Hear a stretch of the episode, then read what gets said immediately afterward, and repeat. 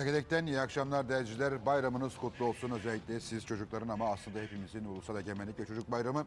Bu akşam biz de herkes gibi yapıp buraya iki tane çocuk getirebilirdik. Hatta kendi koltuğumu da kızıma bırakabilirdim ama sabahtan beri televizyonlarda herhalde çocuk görmekten artık sıkıldınız. Bol miktarda vıcırtı vardı televizyonlarda. Çocuklara fikirleri soruldu. Senede bir gün olsa bile soruluyor. Ama sorulan fikirler, alınan fikirler daha doğrusu pek kimse tarafından dinlenmiyor. Ee, keşke dünyayı çocuklar yönetse demek mümkün. Bugün başbakan koltuğunda bir ufaklık vardı. Ee, izledim. Ee, emin olun ki hiç de fena durmuyordu e, oturduğu koltukta.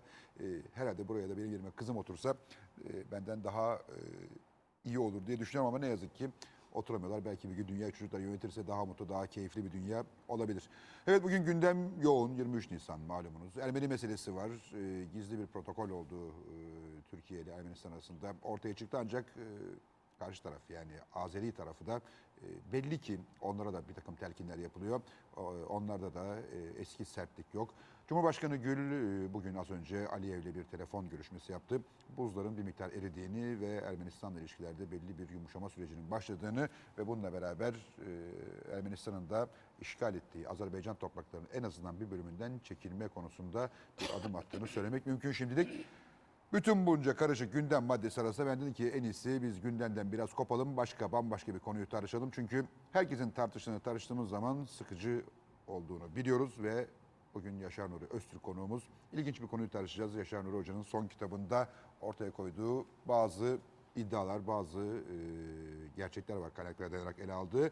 Yaşar Nuri Öztürk'le Habertürk Gazetesi yazarı Yaşar Nuri Öztürk'le bu akşam bunları konuşacağız. Hocam hoş geldiniz. Sağ ol. Evet, din eğitimimi tamamlıyorum sizi burada konuk ettikçe yavaş yavaş. İnşallah sonunda doğru düzgün bir Müslüman olacağız. Ee, olmasak da önemli miyim olan adam olmak. Sen iyi yere geldin. Yani mesela Kur'an'ı okudun. Evet, O zaman bir şey anlamadım ama olsun. E, bir defa ile olmaz. Hocam şimdi 47 okuyacak halimiz yok Kur'an'ı. Kim Mevlana çok ilginç bir şey söylüyor. Diyor ki Kur'an-ı Kerim diyor çok nazlı bir geline benzer. Öyle diyor hemen selam vermek verir vermez diyor her tarafını açıp göstermez. 50 bin cilve yapacaksın, yaklaşacaksın bir kere bir kere daha ondan sonra ağır ağır peçesini açacak filan böyle bir teşbihi var e, fihi mafihte. Ben e, bunu söylüyorum. Her okuduğunuzda nasip paydanız artar. Hocam ben şunu anladım Kur'an'dan. İyi, adam, iyi insan olmak lazım. Ben de iyi insan olarak meseleyi tümden çözüyorum. İzzet Begoviç rahmetli öyle diyor. Diyor ki Kur'an'ın özeti şudur. Mesajının özeti. İyi insan ol ki Müslüman olasın. Kur'an şöyle demiyor diyor. Müslüman ol ki iyi insan, insan olasın olasın. E buyurun dünyaya bakın. Böyle nüfus kağıdına Müslüman yazmak, cami sayısını artırmakla Müslüman oluyor mu kimse? Yok. Yani önce ve İzzet Begoviç'i filan bırak. Hazreti Peygamber diyor. Sizin İslam öncesi dönemde seçkin olanınız, iyi adam olanınız sizin tabirinizi kullanayım. Çünkü kullandığı tabir orada hıyardır. Hıyar Arapçada, Türkçedeki gibi değil. Tabi tersi de doğru. Türkçedeki gibi de. Cahiliye döneminde hıyar olan sonra da hıyar olur. O Türkçesiyle de doğru ama Arapçası seçkin demek. Yetenekli, ehil, dürüst gibi anlamları var. İslam döneminde de öyle olur diyor. Yani İslam de bir cila nihayet. İnsan olmak e, evvela onu bir ya- İslam da ona bir istikamet veriyor, şekil veriyor, daha güzel hale getiriyor. Ama bir de şöyle düşünün, belki konuşacağız şeyimiz de var. Bir de şöyle düşünün. İslam'ın bu daha iyiye götüren yani fıtratı, yaratılışı daha iyiye götüren cilasını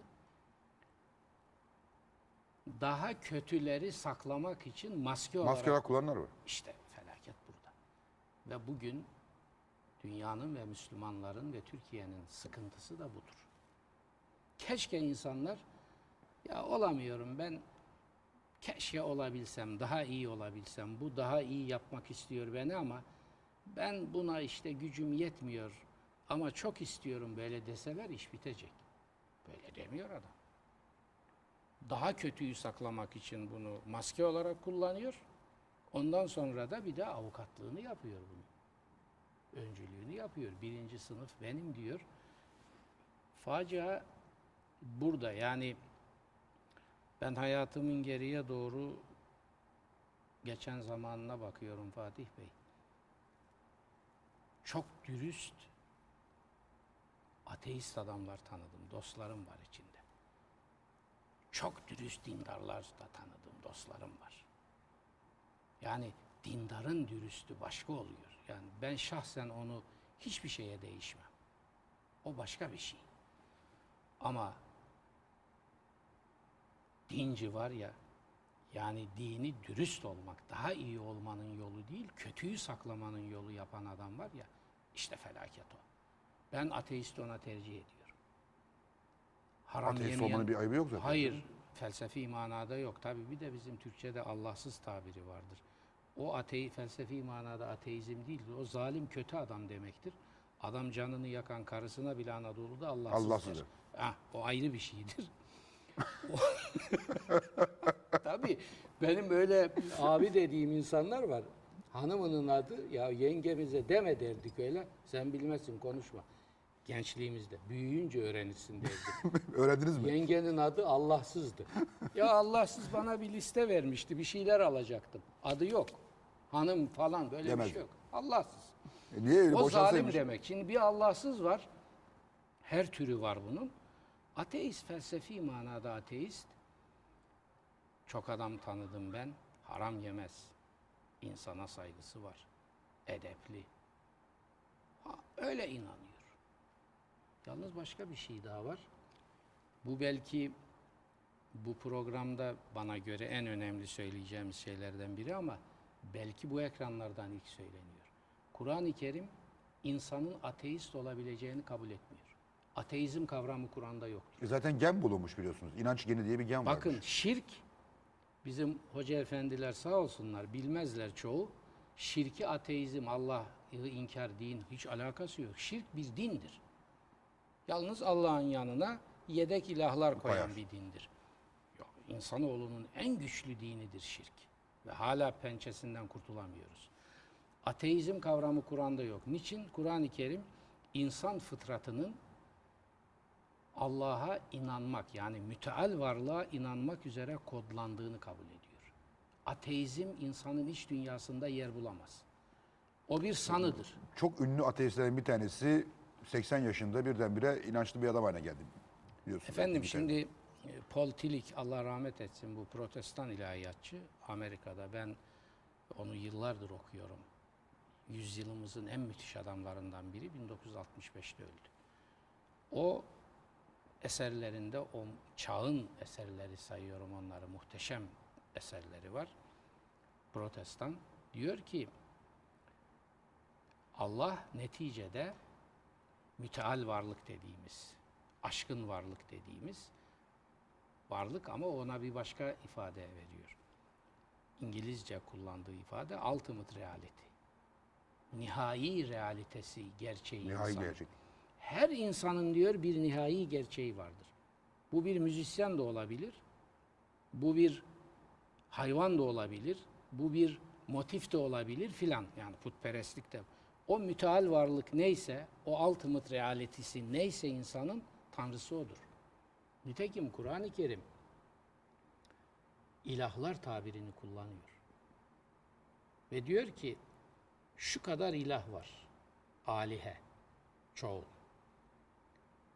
Şu kadar yedek ilah var. Sanal ilah var. Ben de size bir tane ilah, sizin ilahınız, onu kullanıyor ilahun vahid. Onu öneriyorum ve o Allah diyor onun özel alem ismi Allah ve onun nitelikleri de şu. O halde müteal varlık, aşkın varlık anlamında veya ultimate reality, nihai gerçek anlamında ultimate concern tabirini de kullanıyor Paul Tillich. İnsanın en son ama en yüksekten ilgi duyduğu, bağlı olduğu gerçek demek. O manada hiç kimse Allahsız falan değil. Peki hocam dinin evrim geçirdiğini söylesek çok acayip bir şey mi söylemiş oluruz? Şu anlamda söylüyorum. ilkel çağlara baktığınız zaman insanların aklı ermedikçe aklı ermeyen her şeyin yerine bir ilah koymuş. Yağmur, güneş, su, rüzgar yani nereden kaynaklandığını bilmediği her türlü doğal güce bir tanrı yerleştirmişler o zaman. Rüzgar tanrısı, o tanrısı, bu tanrısı, bereket tanrısı, şu tanrısı. Muhammed Fakat- Hamidullah rahmetli söylerdi. Bizim hocamız da oldu bir ara. Ee, büyük insan Hintli biliyorsunuz. Pakistanlı. 18 bin civarında ilah varmış Vedik düşüncede, Hint düşüncesinde. Yani sizin sayın gidin. Gidin yani. Evet. Sonsuz, sonsuz sayıda. Her, Aklının ermediği her şeye, kendi zeka ve bilgi ölçüsünde aklının ermediği her şeye bir tanrı koymuş. Fakat insanlık gelişip, gelişip, gelişip, gelişip bütün bunların arkasındaki gerçekleri görünce ha tanrı yokmuş işte. Rüzgar havadan dolayı, işte havanın yer değişmesinden dolayı oluyor. Güneş şöyle oluyor. Bin, dedikçe dedikçe en sonunda Tanrı'yı teke indirmiş. Yani bütün bunların tanrısal olmadığını anlayıp bir tek Tanrı var. O da yaratılışa hala aklını erdiremediği için ve ölüm sonrasına aklını erdiremediği için Tanrı'yı yaratılış ve ölüm sonrasıyla ilgili olarak almış. Yani bunu da çözerse belki başka bir din boyutuna da geçilecek. Bilmiyoruz onu ama sanki böyle din teknolojiyle beraber insan aklının e, giderek gelişmesiyle, inkişafıyla beraber din de başka bir noktaya doğru gitmiş gibi geliyor bana bilmiyorum. Günah mı işliyor? Şimdi bu e, pozitivist felsefenin Auguste Comte'un e, işte bu üç dönem, üç zaman insanlığın geçirdiği bu tezin bir tekrarı e, sizi kastederek söylemiyorum. Bu hakikaten çok ucuz ve çok sathi bir tezdir. İşin içinden hemen çıkıvermek, evet ucuza havale etmek. Ee, şimdi şöyle söyleyeyim, Kur'an-ı Kerim'in tezi bu değil. Esasında bu tez bizim bildiğimiz tırnak içinde yakın tarihin verilerine göre bir tezdir. Yani şöyle, başlangıçta, bizim bilemediğimiz başlangıçta tevhid vardı. Yani Allah'ın birliğinin esas olduğu anlayış vardı. Sonra bu yozlaştı. Kur'an'ın tezi budur. Evet biliyorum. Yozlaştı. Bu dediğiniz şekle geldi. Yani düşünün ya adam yolculuğa çıkarken heybesine koyduğu helvayı Tanrı şeklinde yapıyor, ona tapıyor. Tapıyor. Yolun bir yerine kadar. Orada da yiyor. Önce kafasını koparıyor, şurasını koparıyor, yiyor ve bitiyor. Tanrı içinde. Er, evet. Ertesi gün tekrar aynı şeyi yapıyor. Sonra yozlaştı ve bu hale geldi. O yozlaşmadan sonra tekrar döndü başa Tek Tanrı'ya. tek tanrıya tekrar döndü. Tabi tek tanrı kavramı üzerinde durmak lazım. Tek tanrı tek tanrı dediğiniz ne? Şimdi tek tanrı acaba o yozlaşma dönemindeki çok tanrılardan biri gibi bir tek tanrı mı? Yani tek tanrı meselesinin üzerinde de durmak lazım. Bizim tek tanrı, mesela tevhid dininde, İslam'da tek tanrı, tevhid var. Her Müslüman muvahhid olmak zorunda. Tek tanrıya iman etmiş adam olmak zorunda. Ama Kur'an-ı Kerim diyor ki, insanoğlu şirke bulaşmadan iman edemez. Kur'an bir evrensel ve bir insani bir, varoluş gerçeği koymuştur. Müslüman dünya mesela tevhidin en hassas, en titiz kaynağı Kur'an-ı Kerim. Öyle ki Hazreti İsa gibi takdis ettiği bir peygamberin Hristiyan mabetlerine ikonlarının konmasını şirke bulaşmak olarak nitelendiriyor. Ama böyle bir kitabın müminlerine baktığınız zaman acaba bunlar o kitabın istediği gibi gerçekten tevhidi gerçekleştiriyorlar mı? Fevkalade zordur bu soruya evet demek. Çünkü bizzat peygamberimiz buna evet dememiştir. Ben onun terbiyesindeki insanları tabi gayet tabi onları istisna edeceksiniz. Yani orada da bir kırılma olursa Ki yine olmuştur bazı irtidat hadiseleri vardır. Dinden dönme hadiseleri. Ama onu bir kenara koyun geneliyle. Sonraki zamanlarda ben ümmetim için diyor en çok gizli şirkten korkuyorum. Ne demek o? Sinsi şirk, maskeli şirk. Yani tevhidin zıddı olan demin dediğim çok ilahlı dine gitmekten. Peki hocam etrafta evliyalar. Yok ziyaretler, yok hırkayı şerif, İşte yok şirk- sakalı şirk, şerif. tabii Bunlar, bunlar şirk değil mi? şirkin belgeleri. Şirkin be soruyorlar. Ey Tanrı'nın elçisi. Ürferiyor sahabiler. Yani nasıl olur bu? Kur'an gibi bir kitap var. Senin söylemin var, senin sünnetin var, bırakacaksın, edeceksin. Diyor ki, siz zannetmeyin ki bu benim dediğim insanların tekrar Kabe'ye put koyması, güneşe tapması, aya tap, öyle bir şey değil diyor. Benim dediğim öyle bir şirktir ki, küçük karıncanın gece karanlığında ki yürüyüşündeki sinsilik ve sessizlikle girer ümmetimin içine ve ümmetimi mahveder. Nedir bir örnek ver bize diyorlar. Dikkat et şimdi. Riyakarlık diyor bunun örneğidir. Nitekim Kur'an-ı Kerim insanla Allah arasında miraç gibi gördüğü namazı namazı bazı kılanları kastederek lanetliyor.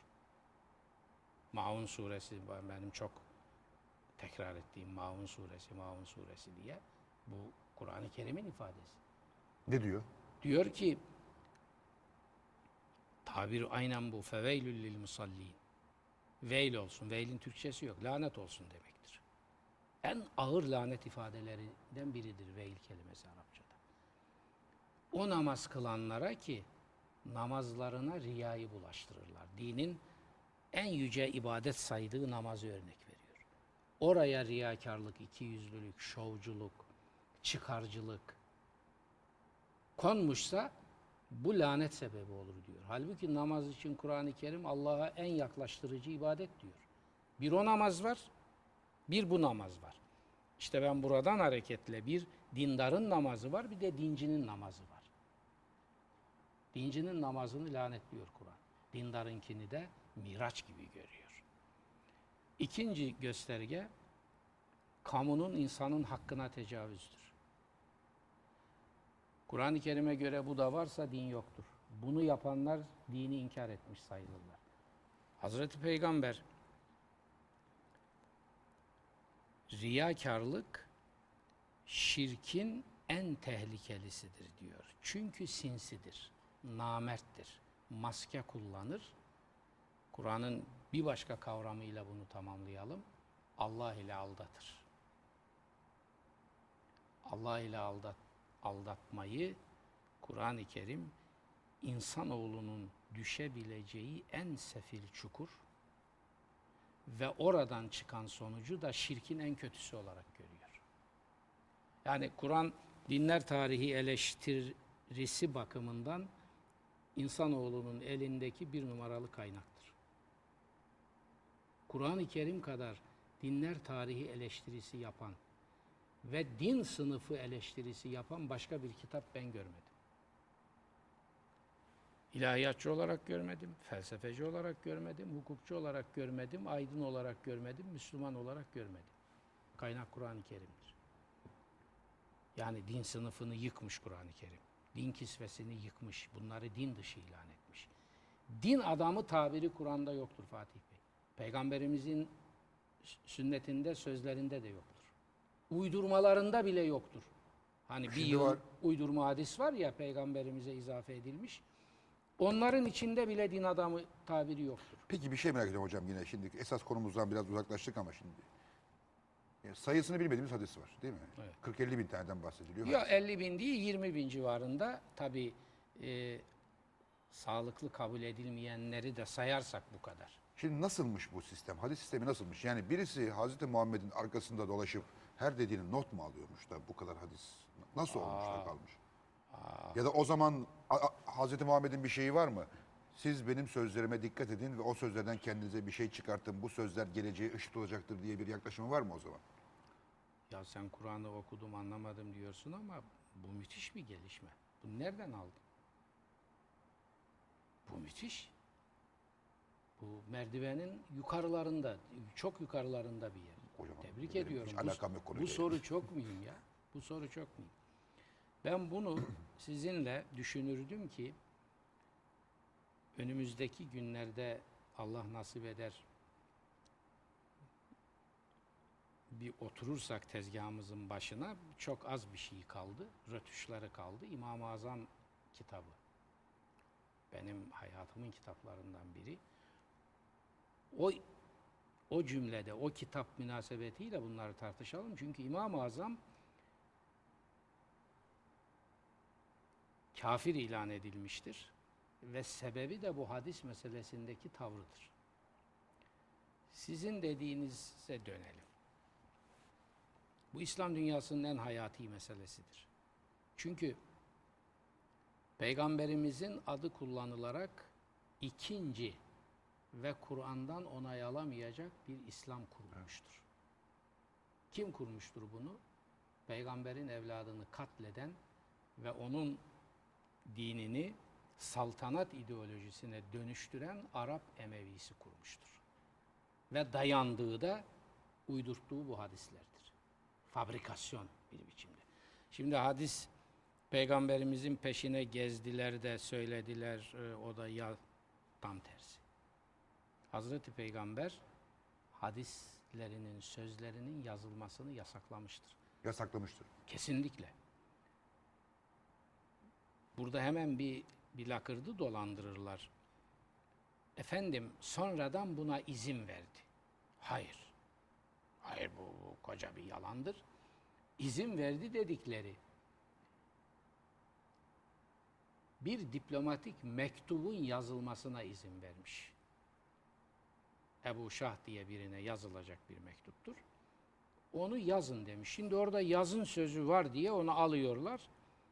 Kendi sözlerinin ya hayır hayır.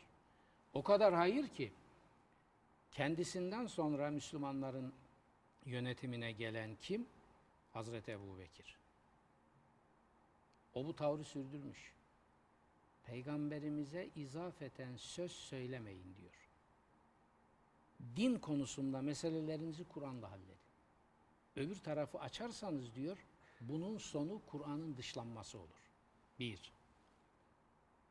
İki, Hazreti Ömer. Şimdi İmam-ı Azam kitabımızda Hazreti Ömer'i çok önemli ele alacağız. Umarım onu da ayrı bir program yaparız. Hazreti Ömer, İslam dininin tevhid omurgasının en muhteşem, en anıt insanlarından biridir. Hazreti Ömer'i çok iyi tanımak lazım. Hazreti Ömer ikinci halife Hazreti Ebu Bekir kadarıyla da yetinmemiştir. Valilerine tamim göndererek peygambere isnat edilen sözlerin tümünü bölgelerinizden toplayın getirin diyor. Kurultay topluyor. Topluyorlar. İznik konsülü. Hayır, onu hiç kullanmam. Hazreti Ömer'e onu yakıştırmam. Konsil yoktur İslam'da.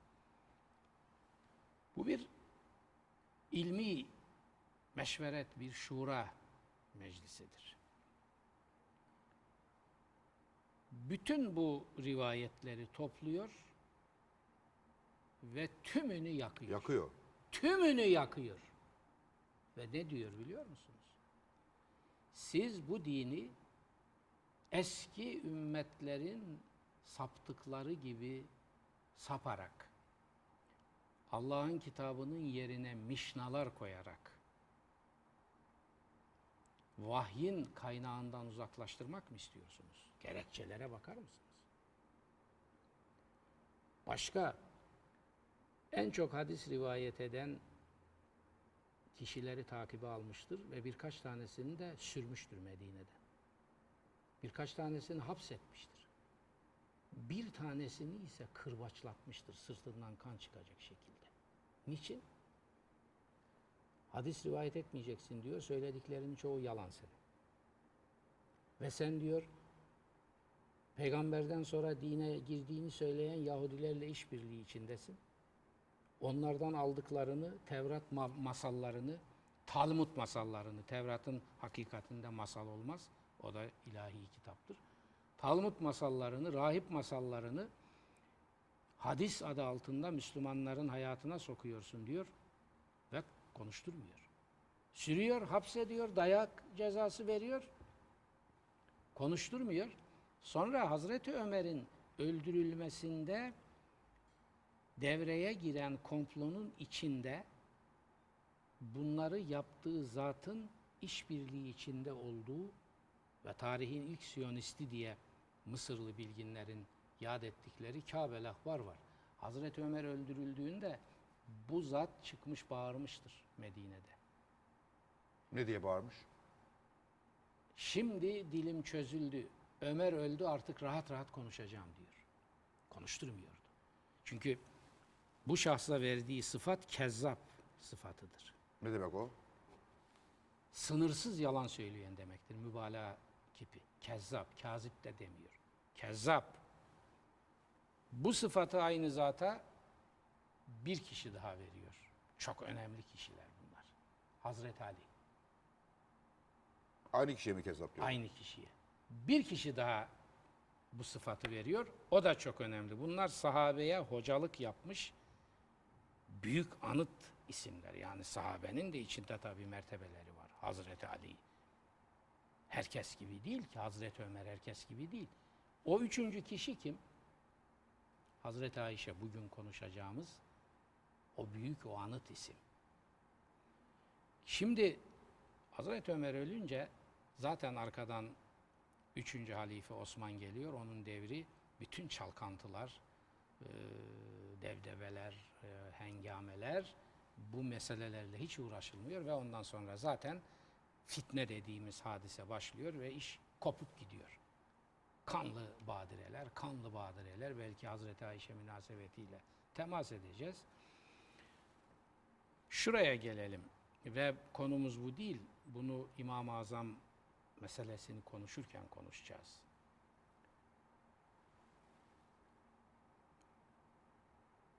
Hadisler bu aynı zamanda bir muhaddis olan Süfyan es-Sevri'nin tabiridir. Şu kullanacağım tabir. Diyor ki Hicri 161'de ölmüş İmam-ı Azam'dan 11 sene sonra. Hem tasavvufta çok büyük, hem fıkıhta çok büyük, hem tefsirde çok büyük, her alanda büyük isimlerden biri. Süfyan es-Sevri. Bu hadislerden hayır bekleyemeyiz diyor. Çünkü hayır giderek azalır, çoğalmaz. Bunlarsa diyor Hazreti Peygamber zamanındakinin birkaç katına çıktı, çoğaldılar diyor. Bunlarda şer var. Mısırlı Ahmet Emin, e, büyük mütefekkir, Müslüman mütefekkir, bir ters piramit tabiri kullanmıştır bu hadislerle ilgili. Diyor ki, akıl, tarih şunu icap ettirir. Hadisler bir piramit gibi en fazla oldukları zaman Hazreti Peygamber'e en yakın olan zaman olmalıdır. Değil mi? Ondan bunları telakki edenler ortada. En yakın zaman. Hayır diyor, burada ters, piramit ters dönmüştür. Yani varlık gerçeğine, akla, ilme, tarihi verilere aykırı. Ters dönmüş diyor. Hazreti Peygamber'den uzaklaştıkça bunlar çoğalıyor. Bu düşündürücüdür. Bir başka nokta daha var. Hazreti Peygamberle İslam'ın ilk gününden vahyin geldiği ilk günden itibaren beraber olan şahıslar var. Hazreti Ali bunların birincisidir. İlk erkek Müslümandır. İşte çocuktu diyorlar ya çocuğu mocuğu var mı? Ne, sana ne çocuk? Erkek ilk Müslüman o. İlk erkek kadın Müslüman Hazreti Hatice'dir biliyorsunuz. Peşinden işte Ammar bin Yasir, Hazreti Ebu Bekir ve devam edip gidiyor. Bu insanlar Hazreti Ali gibi, Hazreti Ebu Bekir gibi, Hazreti Ömer gibi, Ammar bin Yasir gibi ilk ilk insanlar İslam'ın ilk çilesini çeken peygamberimizin etrafında ilk e, kümelenen insanlar Selman Farisi gibi, Bilal Habeşi gibi ve bütün hayatları boyunca peygamberimizle beraber olmuşlar. Veya peygamberimizin hayatı. Bu insanların her birinin rivayet ettiği hadis sayısı kaç biliyor musunuz? Mesela Hazreti Ali'nin 10. 10 ila 100 arasıdır. 10, 30, 40, 50. Onların rivayetleri fiili sünnete ilişkindir. Tarihi belgedir. Peygamberimiz şöyle yapardı. Yapardı. O başka bir şey. Mesela İmam-ı Azam ona itimat ediyor. Sünnet dendiği zaman onu alıyor. İmam Malik de öyle. İmam Malik Muvatta'ını ilk yazdığı zaman 10 bin küsür hadis var Muvatta'ında. Yazdığı günden ölümüne kadar geçen zamanda 10 küsür sene içinde bunları ayıklaya ayıklaya ayıklaya 5-600 hadise indirmiştir. Sakat olduklarını tespit ediyor her gün. Şimdi bu sahabilerin bu sayıdaki rivayetlerinin yanında Hazreti Peygamberle mesela 18-19 ay beraber olmuş insanlar var. Demin isminden bahsettiğimiz. Hazreti Ömer'in ve Hazreti Ali'nin, Hazreti Ayşe'nin kezzap dediği zat 19 ay peygamberimizle beraber olmuş. 6000 civarında hadis rivayet etmiş. Sallamış yani. Yani ben o tabiri kullanmam. Ben Hazreti Ömer'in, Hazreti Ali'nin, Hazreti Ayşe'nin kullandığı tabirleri kullanırım. Şimdi siz bütün bunlar yaşanmışken ve ortada dururken eee, Kur'an-ı Kerim'i bu rivayetlere adapte edemezsiniz. Bugün İslam dünyasının en büyük handikapı budur.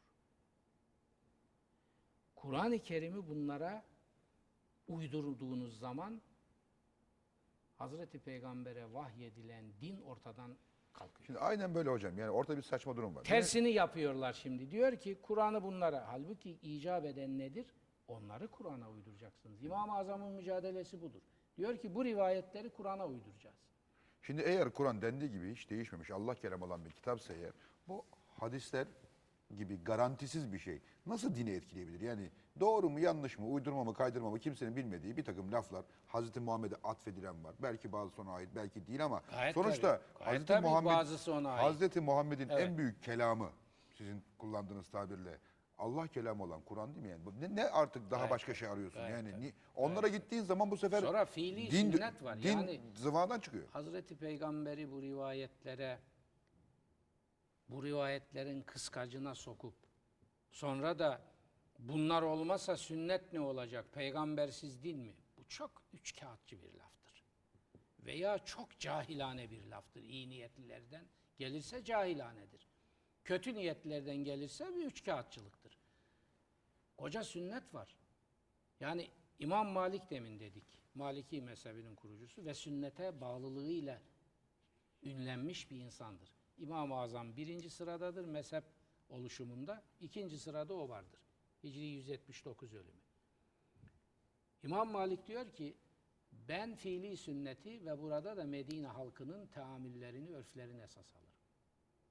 Fiili sünnet dediğiniz öyle bir şey ki yüzlerce insan diyor Hazreti Peygamber şunu şöyle yapardı. Evet. Ama birisi çıkıp da işte ahat haber bir kişinin rivayeti demek. Peygamberimiz böyle dedi. Ben duydum.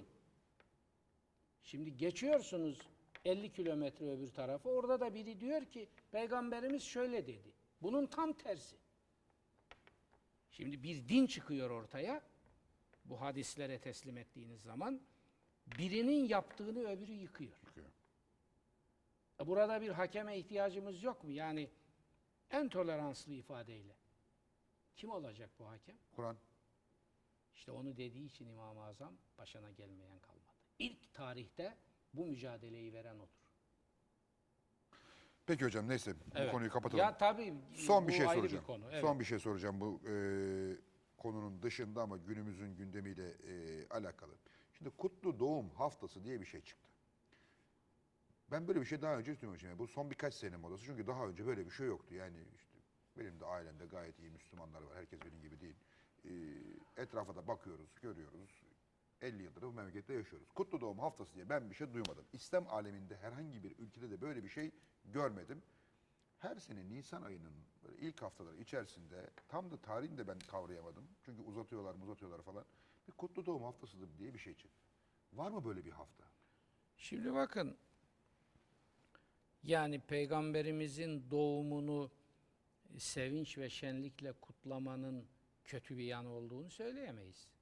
Yalnız İslam geleneğinde böyle bir şey yoktur. Bu Hristiyan geleneğinde vardır. Şimdi buradan ne çıkaracaksan çıkaracaksın.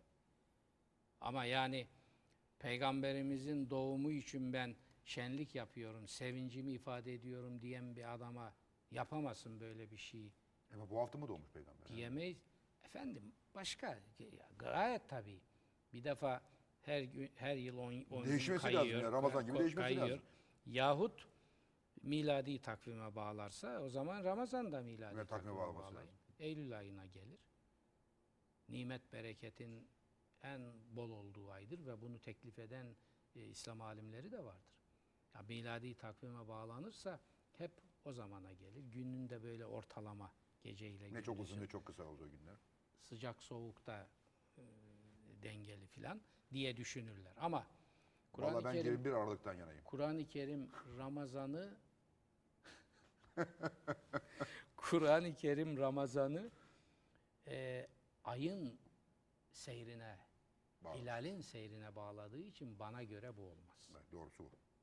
Olmaz. Ve bana göre bir yerde sabit kalması değil. Ramazan'ın dolanması onun orucun hikmetine daha uygundur. Ben bunu düşünürüm ve bana göre Kur'an-ı Kerim buna izin vermez. Hazreti Peygamber'in doğumu. Böyle bir şey zaten dinin böyle bir talebi yok ve İslam geleneğinde de bu Yok. yok. E ama olursa ne olur? Bir zarar olmaz. Hı. Yeter ki birileri istismar etmesin. Yeter ki o münasebetle Hazreti Peygamber'in hakiki çehresi ve hakiki mesajı tanıtılsın. Sen Hazreti Peygamber'in doğumunu kutluyorum diye deniz feneri dini anlatırsan yandı millet. Yani buralara dikkat etmek lazım. Yoksa kutla. Şimdi hocam bir soru var. Bu soruya siz mi cevap verirsiniz ben vereyim. Diyor ki anlamadığım bir konu var. Toplumda şirk olayı konusunda aydın, bilgili, dini tam bilen kişiler, inanmış kişiler falan diyor. Eğer bunlara inanmak şirk koşmaksa Atatürk'ü ve benzer durumlarda ne, e, mezarına koşmak ne anlama gelir? Şirk midir? Gayet tabii. Atatürk'ü de şirk aracı yapabilirsiniz. Yapmasınlar. E niye insanın sevdiği birinin mezarına gidip ziyaret Efendim etmesi şirk bakın ya? bakın söyleyeceğim ben onu. Ama yani ilkeyi koyalım. Şimdi vatandaş kimse niyetinin ne olduğunu bilmiyoruz. Böyle girersen gol atar bize. Kornerden hemen topu ağlara gönderir. Öyle bir şey yok. Evet Atatürk'ü de şirk aracı yapabilirsiniz. Yapmayalım. Doğru. O zaman gelin şu mezarlar nasıl şirk aracına dönüştürülüyor bunu anlatalım. Bunlardan E ben kaçmayın. şimdi annemin Açın bunları. gidiyorum. Şirk midir bu? ya? Annemi gidiyorum, ziyaret dakika ediyorum mezarını. Çiçek ekiyorum, bilmem ne yapıyorum. Şirk Ben, mi sen bu? şimdi söyle söyleyeceklerini ben, ben Şirk midir bu hocam? Böyle bir şey mu? İnsan sevdiği birinin, özlediği birinin yanına gitmesi kötü bir şey midir ya? Böyle bir zırvalık olur mu? Tamam mı? Şimdi anneannemin mezarına gidiyorum. Şey yerine, onu Tanrı yerine, peygamber yerine koyuyorum. Gidiyorum. Sevdiğim, özlediğim insan mezarında görüyorum. Ne olur yani? Şimdi bakın. Mezarlar değil mi konumuz? Bunu senelerce İrani tandansla düşünenler söylediler. Atatürk'ün mezarı, Atatürk'ün e, anıt kavri, türbesi, işte gidiyorsunuz da falan filan. Sonra ben İran'a gittim. Kitabım tercüme edildiği zaman çağırdılar. E orada Ehli Beyt imamlarının ki ben de gönülden severim ve bağlıyım. Çok önemli. Ve mesela daha sonra Ayetullahların ve özellikle rahmetli Hümeyni'nin mezarına neler yaptıklarını gördüm. Mabede dönüştürmüşler. Şimdi siz demin bir tabir kullandınız, sallamak tabiri. Bu hesabına geldiği zaman birisinin aleyhine sallıyorsun ama bir de dön kendi hayatına ve kendi istikametine, kendi yaptıklarına bak. Şimdi ben mezar meselesini size anlatayım. İslam'ın bu konudaki söylemi, miyarı, kriterleri belli. Kur'an'da be- belli, Hazreti Peygamber'in öğretisinde belli. Ne? Hazreti Peygamber mezar ziyaretini. Yasaklamıştır. Yasaklamıştı. Acele etme. Yoksa sen de annenin mezarına gidemezsin. Yasaklamıştı. Sonra bu yasağı kaldırmıştır. Gerekçesini vererek. Diyor ki ben size mezar ziyaretini yasaklamıştım. Şimdi o yasağı kaldırıyorum. Mezarları ziyaret edin, size ölümü ve ahireti hatırlatır. Bu kadar. O halde büyük adam, küçük adam, annen, deden, halan, şu arkadaşın falan kimse. Mezarlar, bu tabirlerin altını çiziyorum. İzleyenlerimiz de çok dikkatle bunları zapt etsinler. Bunlar e, dinin verilerine dayanarak kullandığım kelimelerdir. Mezarlar ölümü hatırlatan ziyaretler olarak İslam'dan onay alır.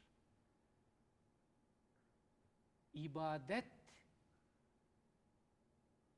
manasında en küçük bir şaibe karıştığı zaman Şirk olur. putperestlik olur. Zaten ibadet etmediğim için normaldir. Bir şey Atatürk'ün mezarını ziyaret o birinci manaya girer. Ben de gidiyorum. Fırsatım olsa her hafta gider ziyaret ederim. O hatıraları tekrar milli mücadeleyi hatırlamak için. Ama orada ibadet kastı yok. Tabii ki yok.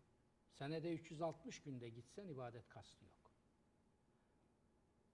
Ama bilmem ne babanın türbesine gidip İşte o şirk. oğlu için kısmet, kızı için kısmet bilmem ne dilendiği zaman Ev, araba bilmem ne isterse o her neyse gölgesi bile aklından hayalinden geçirmesi bile şirktir. tevilsiz tartışmasız şirktir. Bunu otursun konuşsunlar. Ve mesela camilerin avlularına İslam izin verir mi bir takım makbul insanların? Allah hepsinin makamını cennet etsin. Benim de hemen tümüne saygım var. Caminin, mabedin avlusuna ve önüne, yanına türbe koyamaz. Koyduğun anda şirk başlar. Hiç tevili yok bunun. Ne kadar başlar biliyor musunuz? Geriye gidelim. Şimdi bu İslam mirasının içindeki gerçekleri vermiyorlar millete. Biz bunları alıp verdik mi de diyor ki ya bu sakalsız, bıyıksız, bu tıraşlı adamlar, teneke suratlı adamlar, kravatlı bilmem ne. Bunlar nereden bunlar çıktı? Bunlar hocam ne? sende de hoca tipi yok ama hakikaten. Yok yani, evet. Böyle bir Evet. sakal bıraksan. Çünkü hocanın beyaz. tipi yok. Hocanın İslam'a göre hocanın beyni, ilmi ve irfanı var. Tipi yok. O Hristiyanlıkta ve Yahudilikte var. Hocanın tipi yok. Onun için neuzu billah ki benim hoca tipim olsun. Tipi olup da dibi olmayanlar bunu otursun düşünsünler. Hocam bir şey daha soracağım dur şimdi. dur şunu bir, Peki, bir dakika, bitir. bir dakika. İbn Teymiye tarikat çevreleri çok sevmez. Çok ağır eleştirmiştir çünkü. İbnül Cevzi onun öğrencisi. Anıt bir isimdir İslam tarihinde. Hele İbnül Cevzi. İbn Teymiye Şeyhül İslam İbn Teymiye lakabı da odur. Yüze yakın eser bıraktı İslam düşüncesine ve hakikaten dev bir mütefekkirdir. Tarikat çevreleri onu sevmez ama bence haksızlık ederler. Çünkü İbn Teymiye gerçek manada tasavvufa saygılıdır. Mesela Cüneyd-i Bağdadi'ye saygısını defalarca ifade ediyor. Tarikat üçkağıtçılığına cephe almıştır İbn Teymiye. Onu da kaydedelim. Ama şöyle veya böyle. İbn Teymiye ne teklif etmiştir biliyor musunuz? Eserleri ortada. Hazreti Peygamber'in türbesinin yanından o mescidin uzaklaştırılmasını teklif etmiştir. Dinliyor musun? Hazreti Mescid-i Nebevi dediğimiz Ravza-i Mutahhara'nın bitişi. Peygamberimizin türbesinin. Diyor ki İbn Teymiye, Kur'an'ın şu şu şu şu şu ayetlerine aykırıdır bu diyor. Siz Muazzez İslam peygamberini kendine vahyedilen kitaba aykırı iş yapmış konuma nasıl getirirsiniz diyor. Mabet yalnız Allah'ın takdis edileceği bir mekandır.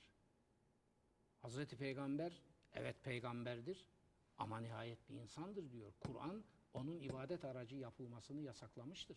Siz diyor Hazreti Peygamberi şirk aracı yapamazsınız. Bu peygamberimizin türbesiyle bu mescidi birbirinden ayıracaksınız diyor. Bunun mücadelesini vermiş. Doğru. Şimdi doğru yanlış. Bence doğru. Ama biliyorsunuz Hazreti Peygamber'in türbesini yani mescidi oradan uzaklaştırmak makul gibi görünüyor ve mümkün. Ama mesela Suud zihniyetinin bir zamanlar Hazreti Peygamber'in ravzasını oradan uzaklaştırma gibi bir denemesi olmuştur. Bütün sahabi mezarlarını yok ettiği Evet. gibi ona tevessül etmişler ve kim buna karşı çıkmıştır? Atatürk. Evet. O içtiği rakıları sayıp sayıp İslam dışı gösterdikleri Atatürk. Utanmadan, haya etmeden. Ve öyle kendi ülkesini işgal çizmesinden kurtarmanın mücadelesini verirken oraya hemen el koyuyor ve diyor ki eğer böyle bir şeye teşebbüs ederseniz orduyla oraya inerim diyor. Sakın bunu aklınızdan çıkarın. Bunu da kaydedelim. Yani bırakın Ahmet'in, Mehmet'in filan efendinin falan e, şeyhin türbesini İbni Teymiye ve ekolü Hazreti Peygamber'in türbesinin yanından Suudların yaptığı gibi türbeyi değil, mabedi oradan uzaklaştırmayı ve Allah'a ibadetin mekanını şaibeden temizlemeyi teklif etmiştir. Şimdi gelin bizim Osmanlı düzenine. Bana bir tane cami gösterin ki avlusunda birkaç tane kişi olmasın. Dolu. Şimdi bakın, ben çocukluğumdan beri bunu izledim. Mesela benim memleketim Trabzon'da, gençliğim, çocukluğum orada geçti. Burada ki o camilerin bazılarında ben gençliğimde orada mukabele okudum. Ben o camilerde yani görev de yaptım bazılarında. Vatandaş burada namazını kılar.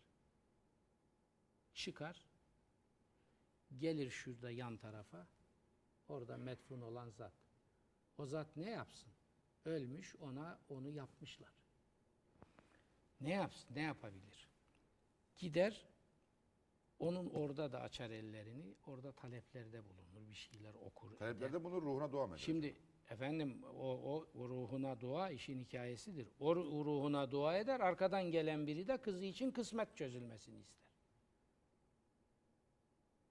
Bu putperestliktir. Tabii. Farkında olmadan putperestliktir. Şimdi bunu hemen hatırlatayım. Bunu dediniz mi? Ya namaz niyazlı adamları şirke nispet ediyor. Hayır. İltizami küfür, küfür değildir. İslam'da kural var. Yani burada şirk ve küfür korkusu var. Dikkat et demek kimseyi küfürle itham değildir. Bunları yutturuyorlar millete. Bizi konuşturmamak için. Akif'in tabiriyle Allah ile iskat yapmak için, susturmak için.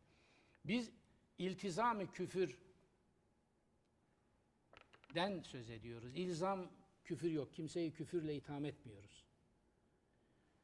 Dolayısıyla İslam mabedinde İslam mabedinin avlusunda, yanında, yöresinde türbe olmaz. İslam'ın tevhid anlayışı buna asla izin vermez.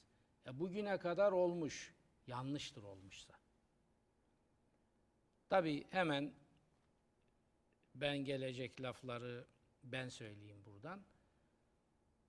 Bu kadar ulema, meşayih, selefi salihin bunları bilmedi de siz mi bildiniz? Bu selefi salihin edebiyatı yapılıyor. Sorarım ben size. Selefi salihin geçmiş iyiler, büyüklerimiz. İmam-ı Azam Selefi Salihin değil mi? Hazreti Peygamber'e en yakın fakihtir, mezhep imamıdır. Bunlarla mücadele etti. Bundan 600 yıl önce yaşamış, demin isminden bahsettiğim kişiler. İbn Teymiye, İbnül Cevzi, İbnül Kayyim el Cevziye, büyük muvahhid bilginler, Şatibi. Bunlar selef değil mi? Yani bunlar ne için uğraştılar? Hocam bu, buradan bir başka bir yere geçeyim mi? Bir şey Geç. soracağım. Ee, demin Kutlu Doğum Adısı'ndan bahsettik. Mevlid Kandili Peygamber Efendimiz'in doğumu değil midir? Evet. Yani doğumunu e, takdis için yazılmış şiirdir. Ama onun doğduğu günde okunmaz mı bu? Efendim bakın. Ya şimdi siz bana şunu hatırlatıyorsunuz. Adam eve gelmiş. Yorgun argın. Şöyle şi- şilte gibi bir düşmüş. Yor, işten gelmiş. Hanımı da onu teselli isat edinde demiş ki sana bugün öğrendiğin güzel bir hikaye anlatayım da dinlen şöyle bir açıl. Anlat demiş hanım. Ne anlatacaksın? Sana demiş minareden keçisi düşübölen Zekeriya'nın hikayesini anlatacağım deyince adam demiş ki beni mahvettin. Şimdi bunun neresi beni ferahlatacak? Bunun ben düzeltmem lazım. Minareden düşmemiş gökten inmiş. Zekeriya değil İbrahim, İbrahim. keçi değil koyun. Ölmemiş kurban edilmiş. Şimdi bu da buna benziyor. Mevlid yazılmış ve Hazreti Peygamber'in doğum günü için onu kut- kutlamak için falan o geçmiş bütün dini günlerde okunur olmuş. O da geçmiş. Sevap kazanmak maksadıyla okunur olmuş. O da geçmiş. Bakın burası çok mühim. Mabede sokulmuş. Bu şiiri Hazreti Peygamber'i övmek için de yazılsa mabede sokamazsınız. Mevlid ibadet değildir. Şiir okumaktır nihayet. Musiki ile şiir okumaktır. Ben de çok okudum. Ben güzel mevlid okurum. Hatta bana bir hoca şöyle dedi ki sabah makamından okursan dedi milleti ağlatır çok da bahşiş alırsın demişti. Sabah makamından ilk bahir okunur. Tevhid bahri okunur.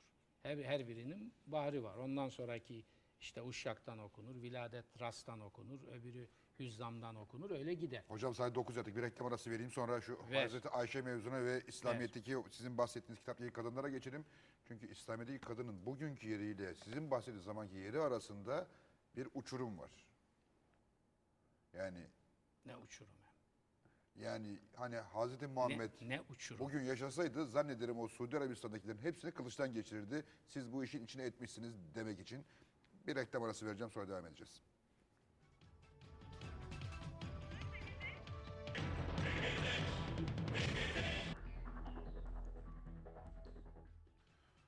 Hocam hemen bir soruyla başlayayım ben. Demin dediniz ki Emeviler geldiler. İslam'ı kendilerine göre kullanmak maksadıyla büyük katliamlar yaptılar. Dini yoldan çıkardılar. Böyle deyince insan aklına ister istemez bir soru geliyor.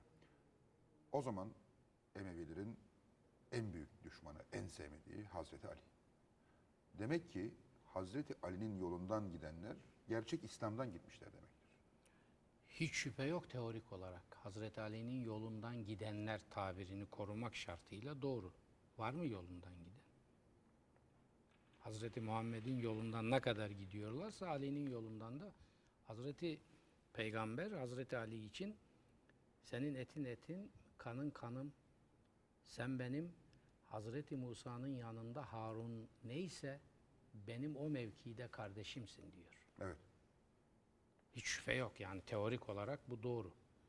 Aslında bu hemen bütün sahabiler için doğrudur. Demin ismini verdiğimiz insanları. Şimdi Hazreti Ayşe'yi konuşacağız. Onun yolundan da gitseniz aynı aynı yere çıkar. Ömer'inkinden de. Hazreti Ali ise çok daha rüçhaniyeti olan bir insan. Çünkü bizzat Hazreti Peygamber ona sen konuşan Kur'ansın diyor ya. Bakar mısınız? Bugün çalışmamda bir sözünü İbn Saad'dan alarak kaydettim. İbn Saad o kadar aklımda ki İbn Saad'ın tabakatının ikinci cildinin 304. sayfasında bak aklımda. Öyle vakti filan yazdım. Diyor ki dedi ki Hazreti Peygamber'e ilk inanan erkektir daha çocuk yaşta. İlk namazı Hazreti Peygamberle kılan Hazreti Ali'dir. Diyor ki hiçbir Kur'an ayeti yoktur ki Şimdi Türkçesini söyleyeyim, Arapçası da aklımda da. Onu orada yazarken ezberledim. hiçbir Kur'an ayeti yoktur ki nerede, ne zaman, kiminle, neyle ilgili olarak indiğini bilmeyeyim. Nübüvvet kokusunu diyor, bizzat kaynağından her gün kokluyordum ve Allah bana diyor, akul bir kalp ve taluk bir lisan vermiştir. Etkili, iyi konuşan bir dil ve meseleleri iyi tahlil eden, akli tahlillerini yapan bir kalp vermiştir diyor. Bu sıfatlarımla birlikte de Hazreti Peygamberle son nefesini verdiği ana kadar beraber. Ali bu. Tabii ki onu takip edenler İslam'ın en mükemmelini yaşar. Bana takip eden birini göstersen. Hazreti Peygamber'i takip edenler ne kadarsa o, o, o da o kadar. Zaten bakın Ali'yi takip eden olsa böyle Hazreti Peygamber Ali ikiliği çıkmaz. Ali'yi takip edenlerin tarih içinde faturasını hayatıyla ödemiş mümtaz simalarından biri İmam-ı Azam. Evladı Resul'ün haklarını korusun diye Emevi ve artı Abbasi zulümlerine maruz kaldı ve Abbasilerin zindanında öldürüldü zehirlenerek. Emevilerden çekti, çekti, çekti. 70 yaşına geldiği bir zamanda Abbasi halifesi, ikinci halifesi El Mansur tarafından onca zulümden sonra, işkence, kırbaçtan sonra bir de zehirletilerek öldürüldü. Şimdi İmam-ı Azam. E biz şimdi bugün İmam-ı Azam'ın Ehl-i sünnetin en büyük imamı, kurucu imam olduğunu söylüyoruz. Onun mezhebinden olduğumuzu söylüyoruz. Yalan. Yalan. Yalan. Niye? Evet. Siz işte ben niye oturdum 10 yılımı İmam-ı Azam'a verdim? İmam-ı Azam bir tipik örnek vereyim. İmam-ı Azam tarihte mezhepler tarihinde, İslam fıkıh tarihinde çünkü peygamberimize en yakın şahıstır mezhep imamı olarak. 150 Hicri onun ölümü. Diğer mezheplerin hepsi ondan sonradır. Hepsinin babasıdır, fikir öncüsüdür, önderidir, sistematiğini yapan insandır. Bir anıttır. İmam-ı Azam bu anıt isim Diyor Üstelik de ki- galiba İslam'ı en yumuşak yorumlayan adam da o. Efendim akılcı. Şimdi benim kitabımın adını hatırlatmak istiyorum burada. Millet ne diyecek? Ya kitap reklamı. Umurumda değil. Kitabın adı şudur. Arapçılığa karşı akılcılığın öncüsü İmam-ı Azam. İmam-ı Azam. Belki 30 tane isim değiştirdim ben bu kitabın adını tespit etmek için. Sonunda bunda karar kıldım. İmam-ı Azam mesela, mesela diyorum. 20 küsür belirgin niteliği, temel mesajı vardır. Onları veriyorum orada. Yalnız İmam-ı Azam'da gördüğümüz bir tanesini söyleyeyim. İmam-ı Azam diyor ki, Kur'an-ı Kerim'in tercümesiyle bir Müslüman Arapça bilmiyorsa, Arap menşeli değilse, dili Arapça değilse, Arapçayı güzel okuyamıyorsa, o tabiri kullanmıştır. Kur'an'ın tercümesiyle, kendi dilindeki tercümesiyle namazını kılar. Burada bir tartışma var mı? Buna bir itiraz olacak kimse var mı? Bir tane sahtekar çıkmıştır. Nuh bin Ebi Meryem diye bir adam ki yalancılıkla itham edilmiş, susturulmuş bir adamdır. Casustur. Hanefi ekollere girdi. İmam-ı Azam'ın mesajını Arap Emevi zihniyeti istikametinde saptırmak için tabi kabul görmemiştir, rezil edilmiş, bırakılmıştır. Bu fikrinden döndü diyor İmam-ı Azam. Haşa, yok böyle bir şey. İmam-ı Azam Yani Kur'an'ı Türkçe okumak. Türkçe ya okumayı bırak Türkçe okumak, ibadette. dualarını Zaten Türkçe ibadette bir kitabı kendi dilinde okuyamıyorsan o kitabı okumazsın. Çünkü başka bir dilde okunabilecekse niye ben ibadetimde onu Arapça oku- okuyayım? Bu bi- bi- bitiriyor işi.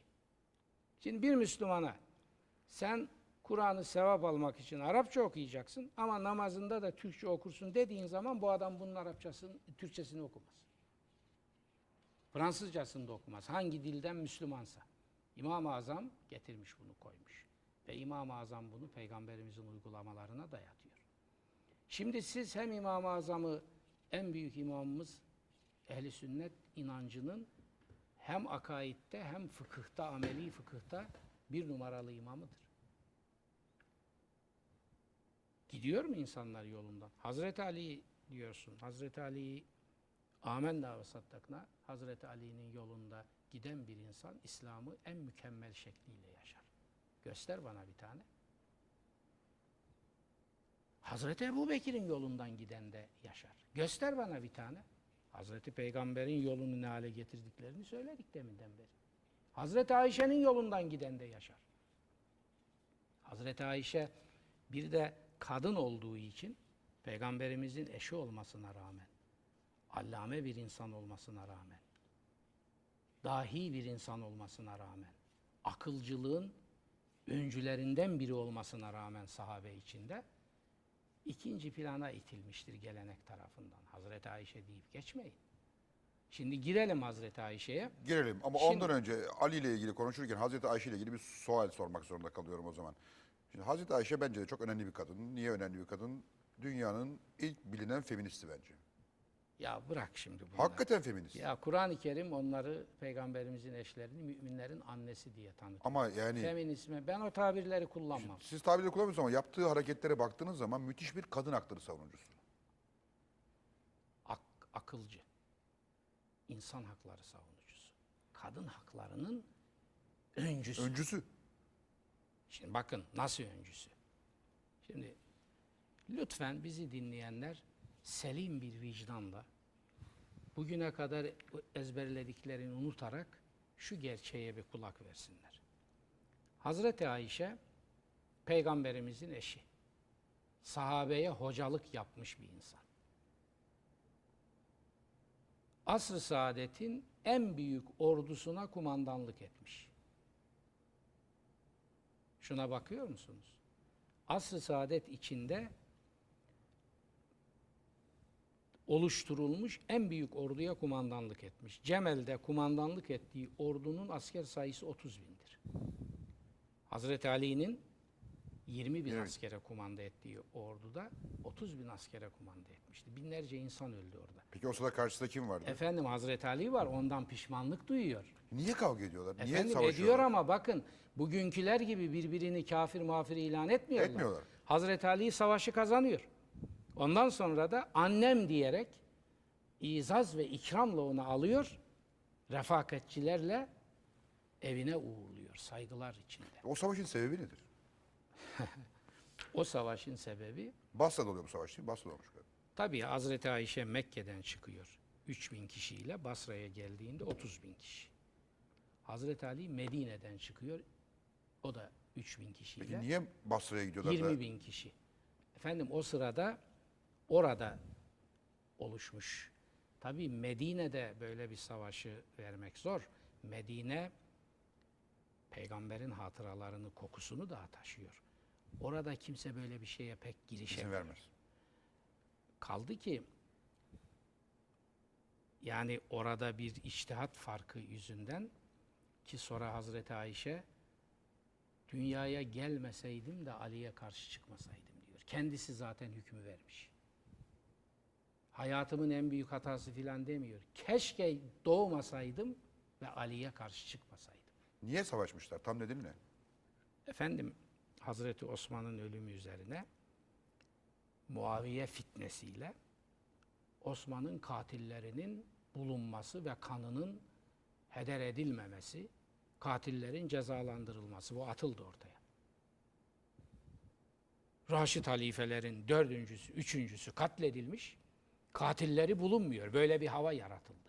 Çünkü Şam merkezli e, Emevi fitnesi işte orada başlıyor zaten tahribatına. Niçin bu, bu tahribatı yapıyor? Hazreti Ali'yi zor durumda bırakmak için. Çünkü Hazreti Ali'ye hemen biat edilmiş. Devletin başına getirilmiş. Problem çıkarıyor. Çünkü Hazreti Ali problemsiz birkaç yıl Müslümanları ve devletini yönetirse ondan sonra Emevi melanetine hayat hakkı kalmayacağını biliyor adam. Bunu kırmak istedi. Ve maalesef kırdı takdir. Ve orada Hazreti Ayşe'yi kullandılar. Hazreti Ayşe, Hazreti Ayşe enteresandır. Bir yandan Hazreti Osman'ın katlinde dahli olmakla itham ediliyor. Çünkü kar- kardeşi Ebu Bekir'in, Hazreti Ebu Bekir'in oğlu Muhammed'in dahli olduğu söyleniyor. Yani Hazreti Osman'ın yerini basan ve o hareketi yapanların içinde. Hazreti Ayşe'yi bir yandan itham ediyorlar, bir yandan da diyorlar ki Osman'ın katillerinin bulunmasından rahatsız mı oluyorsun? Hayır. Tabi burada şahsi kaprisler var, iktidar hırsı. Maalesef. Talha Zübeyir, onlar ayrı bir hilafet iddiasında, onlar da Hazreti Ayşe ile birleşiyorlar. Peki mesela merak ederim hep. Hazreti Ayşe halife olabilir miydi? Hayır olamazdı. Çünkü öyle bir gelenek yok. Dinler tarihinde de yok. Orada da olmazdı. Yani bunun telaffuz edildiğine bile tanık olmuyoruz. Hazreti Ayşe'nin öyle bir iddiası da yok. Yok zaten. Ama bir ordu kumandanlığı yapmış ve 30 bin kişilik bir orduya kumanda etmiştir. Bugün 21. yüzyılda bazı Müslüman ülkelerde kadınların araç kullanmasına izin verilmiyor. Tek başına sokağa çıkamıyordu. Şimdi bakın. Bakın ner- nereden nereye? nereye ne hale gelmiş. Hazreti Ali Hendek dedik, Savaşı'nda da kadınların hepsi kaledeyken Hazreti Ayşe çıkmış savaşa katılmak istemiş. Hazreti Ayşe bütün savaşlara katılmıştır. Bedir'e katıldı mı katılmadı mı tartışmalı bir rivayettir. Diğer bütün İnas-ı Saadet'tekilerin peygamberimizin verdiği savaşların katılmış. Hemşirelik görevi yaparak. Hazreti Ali dedik. Hazreti Ali'nin bizim de bugün mustarip olduğumuz meseleleri bir büyük ihtişamla nitelendiren ve yanlışları deşifre eden bir sözü var. Diyor ki Emevilerden bahsederken. Emeviler diyor İslam elbisesini giydiler. Tabi hepsi biz Müslümanız diyor. Yalnız diyor. Ters çevirerek giydiler.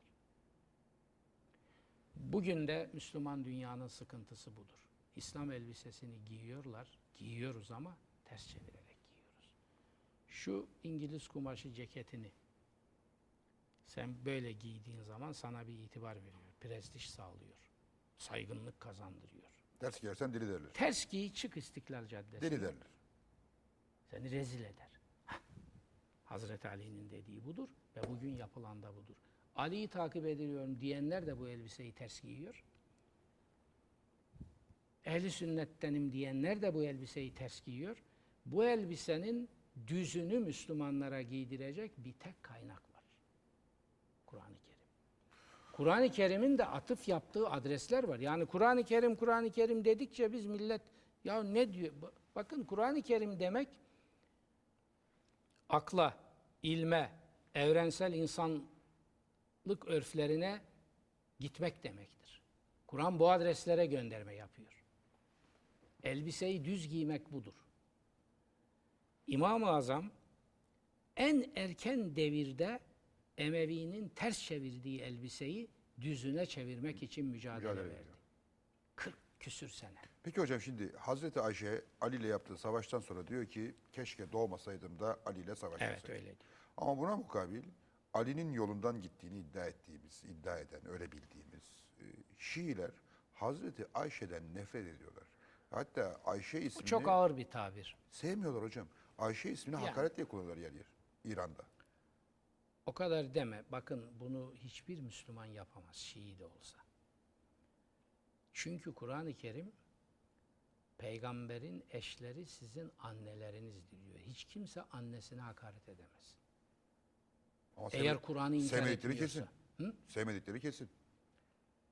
Bilmiyorum. Ben ben Hazreti Ayşe'yi sevmiyorum diyen bir tane Şii'ye ben şahsen rastlamadım. Peki dönelim kitaba.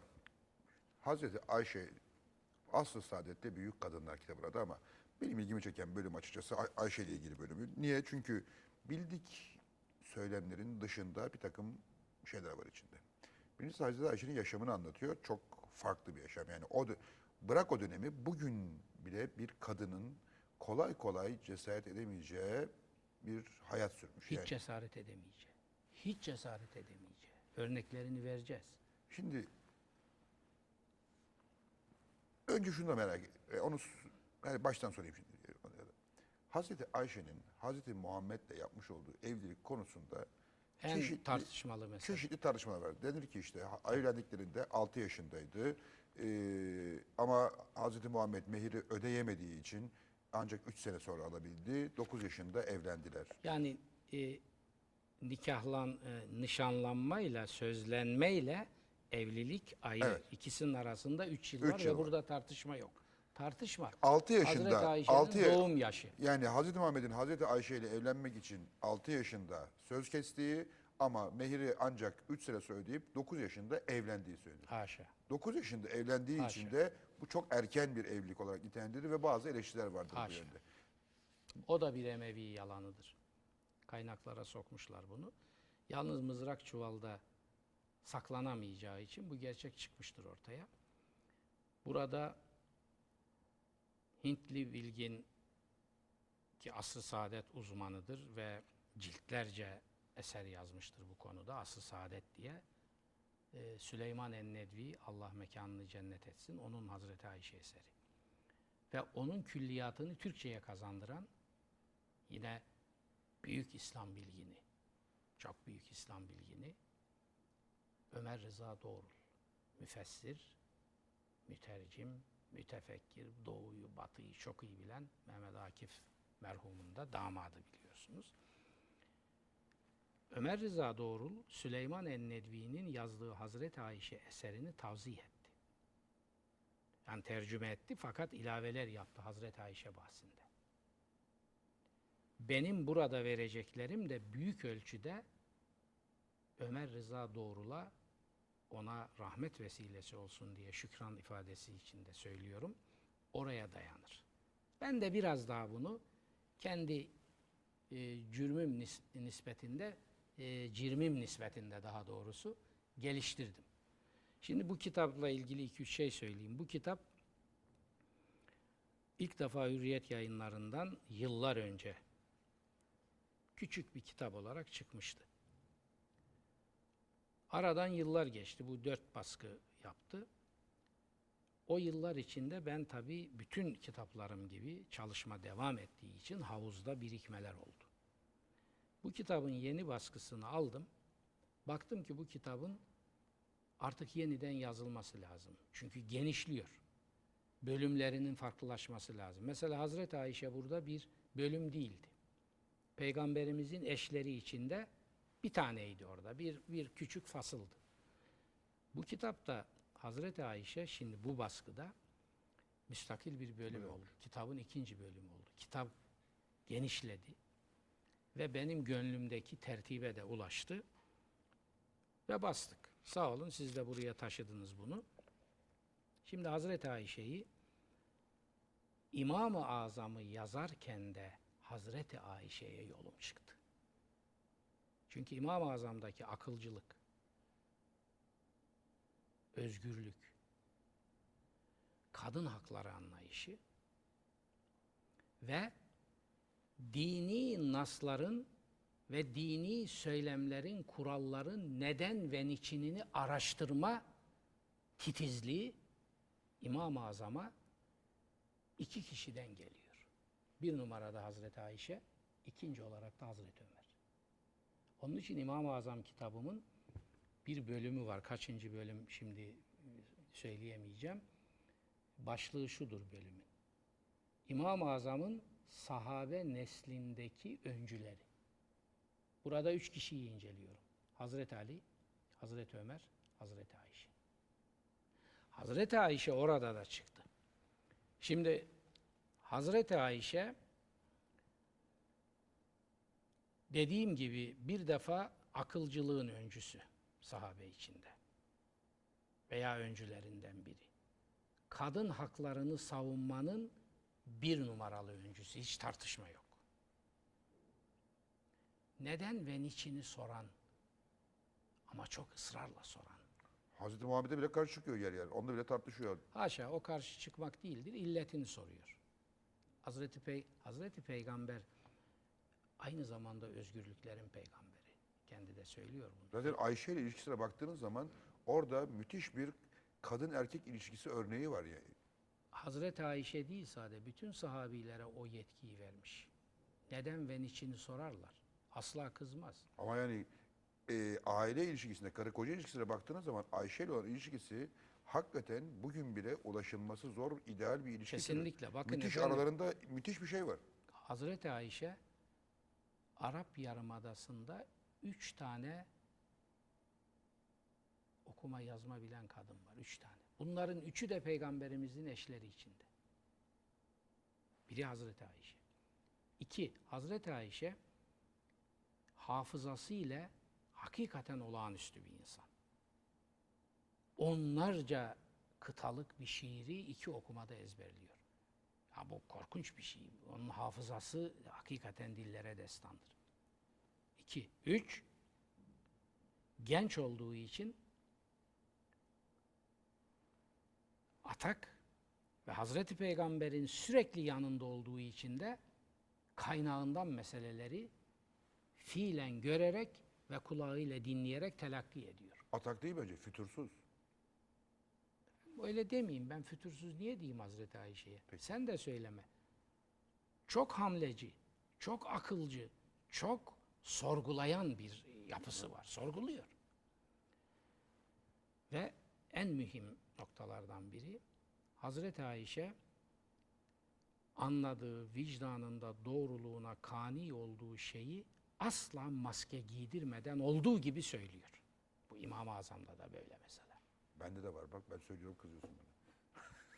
Yalnız neyse şimdi diyeceğim de canın sıkılmasın. Söylemek tabii de e, ölçülere e, zarar vermeden söylemek. Ya fütursuz, atak, cesur. Peki. Şimdi önüne getiriyorlar bir hadis. Bilhassa hadisler meselesindeki tavrı hakikaten sarsıcıdır. Üç tavır koymuştur hadisler önüne geldiğinde. Beyefendi 2009'dan filan bahsetmiyoruz. Peygamberimizin yaşadığı günlerden bahsediyoruz. Bunlar orada oluyor. Orada. Birinci tavrı şudur. Bu hadis doğrudur. Ben de şahitlik ederim. İcabı yapıla. Çok azdır bu. İkinci tavrı bu hadis doğrudur yalnız bugün uygulanmaz. Dikkat edin. Niçin? Gerekçeyi veriyor ilke kitapta bunları bütün e, kaynaklarıyla ve de tabi değerlendirerek veriyorum. Diyor ki evet bu hadis peygamberimizin sözüdür. Yalnız bugün bunu böyle değil şöyle uygulayacağız. Ama nasıl olur? Evet diyor. Çünkü Hazreti Peygamber eğer bugün bu sözü söyleseydi şu benim dediğim gibi bunu söylerdi. Yani nasıl ve niçini irdeliyor ve zamanın değişmesine uygun olarak hükmün değişmesi ilkesini koyuyor. Mecelle bunu 1400 sene sonra telaffuz etti. Üçüncüsü ki en çok yaptığı budur. Peygamberin böyle bir sözü yok, yalandır diyor bu. Bu yalancı, yalan söylüyorsunuz, bu yalandır tabirini en çok demin isminden bahsettik, Ebu Hureyre için kullanmıştır. Kezzap. Kezzap. Defalarca söylemiştir bunu. Bazıları için de bu kadar ağır söylemiyor. Diyor ki e, orada kaçırmış diyor meseleyi. Öyle demedi Hazreti Peygamber ben biliyorum. Yahut biraz daha ağırlaştırarak diyor ki kusura bakmasın yalan söylüyor. Hiç esirgemiyor. Ebu Derda gibi sahabenin takvasıyla, irfanıyla öne geçmiş insanlarından biri için bile yalan söylüyor diyor hiç çekinmeden. Bir de önüne gelen meseleyi akli ölçüler açısından tahlil ediyor. Şimdi onun meşhur bir tartışması vardır. Bugün onu saklarlar. Aynı fikri bugün tekrar edenleri de zındık ilan ederler. Muhammed Hamidullah gibi bir insanı bile zındık ilan ettiler. Miraç meselesi. Bir örnek olarak veriyorum. Hazreti Ayşe miracın ruhani olduğunu, Hazreti Peygamber'in bedeniyle bir turistik seyahat gibi oralara çıkmadığını, dahası Hazreti Peygamber'in Allah'ı gördüğü yolundaki rivayetin peygambere ve İslam'a iftira olduğunu söylüyor. Siz söyleyebilir misiniz beyefendi? Taşlarlar. Siz söyleyebilir misiniz?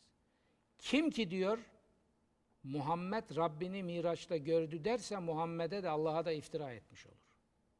O ruhanidir diyor. Peki Ve- Burak Murak falan ve, mı? ve efendim bırakın bunları. Bunlar, bunlar Yahudi Hristiyan mitolojisinden İslam'a aktarılmış Talmud hurafeleridir. Hazreti Peygamber diyor benim o gece yanımdaydı. Nereye diyor gitti? Nereye? Bu bir ruhani hadisedir. Nitekim Kur'an-ı Kerim de buna rüya diyor. O basit bir şey midir? Hele peygamberin yaşadığı bir rüya, bir ruhani hadise basit bir şey midir? Ama diyor, peygamberi Allah'ın yanına çıkarmayın. Allah'ı gördü filan demeyin. Bu İslam'a da Kur'an'ın hakikatlerine de iftiradır. Şimdi biz bunu tartışmıyoruz burada. Hazreti Ayşe'nin bu cesaretini ve tahlildeki kabiliyetini ve dayanaklarını ifade etmek istiyoruz. Bu şirk tezahürü gördüğü bir şeyin şeyle ilk mücadele eden odur. İşte insanların üzerine Hocam nazardan yaşını korunsun. söylemedin ama Ayşe'nin evlendiği zamanki altı. Onu söyleyeceğim. Nazardan korunsun vesaire bilmem ne bu asılan şeyler. Ve mesela Kur'an-ı Kerim'i süratle devrederek hatim sevabı alma iddiasında olanlara diyor ki şaşarım size. Anlayarak, içinize sindirerek okuyun. Ne kadar okursanız o kadar okuyun. Bundan diyor bir hayır beklemeyin. Şimdi tespitlere bakın. Yaşı meselesine gelince Burada çok geniş tahlilleri var. Zamanımız ne kadarına izin verir? Hazreti Ayşe'nin peygamberimizle evlendiği zaman 17, 18 hatta 19 yaşında olduğu tarihi bir gerçektir. Hocam çok büyütmüşsünüz ya. Hayır efendim ben büyütmüyorum. Kaynaklar büyütüyor. Hazreti Ayşe Bakın Hazreti Ayşe'nin doğumu meselesine girmemiz lazım. Hazreti Ayşe'nin nübüvvetten sonra doğduğu iddiası var. Bu temelden yanlıştır. Hazreti Ayşe peygamberimize peygamberliğin gelişinden 6 yıl kadar önce doğdu. Hazreti Ebu Bekir İslam'dan önce Hazreti Ayşe'yi sözlemiş Cübeyr bin Mut'im denen bir aileye. Putperest aile, İslam diye ortada bir şey yok. İslam geldikten sonra ve Hazreti Peygamber Hazreti Ayşe'ye talip olduktan sonra Hazreti Ebu Bekir'in peygamberimize söyle Hazreti Ebu Bekir yüksek şahsiyetli bir insan. İslam gelmiş, peygamberin hemen yanında yer almış. Ona rağmen diyor ki Ya Resulallah ben cahiliye devrinde Cübeyr bin Mut'ım'a Hazreti Ayşe'nin sözünü verdim çocuğu için. Onlar bu evlilikten vazgeçmeden ben Ayşe'yi sana söz veremem. Şimdi bunu ne yapacaksınız? Hazreti Ebu Bekir gibi bir insan, Müslümanlığın gelişinden sonra peygamberin en yakını bir insan ve Kur'an'ın açık yasağı olmasına rağmen kızını putperest bir aileye verir mi?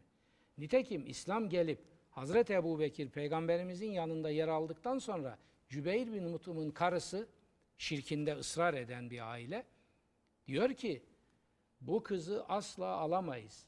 Sözümüzü bozacağız. Çünkü bu Müslüman adamın kızı benim evime girerse benim çocuklarımı dinlerinden eder. Yani Müslüman eder onlar. Şimdi bunları nereye koyacaksınız? Bütün bunlar ortada dururken Hazreti Ayşe İslam'ın gelişinden dört yıl sonra doğdu. Bu tam bir saptırma.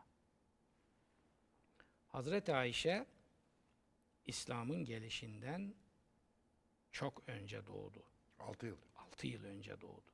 Yani Hazreti Muhammed aralarında 34 yaş fark mı var? 35 yaş. Şimdi onu hesaplamadım. Varın hesaplayın. Bir başka şey var. Bir başka gerçek var. Hazreti Ayşe'nin bir ablası var. Esma. Esma'nın yaşı belli. 10 yaş büyükmüş galiba yani. Öldüğü yaş belli. Esma ile Hazreti Ayşe arasında 10 yaş var. Şimdi bakın.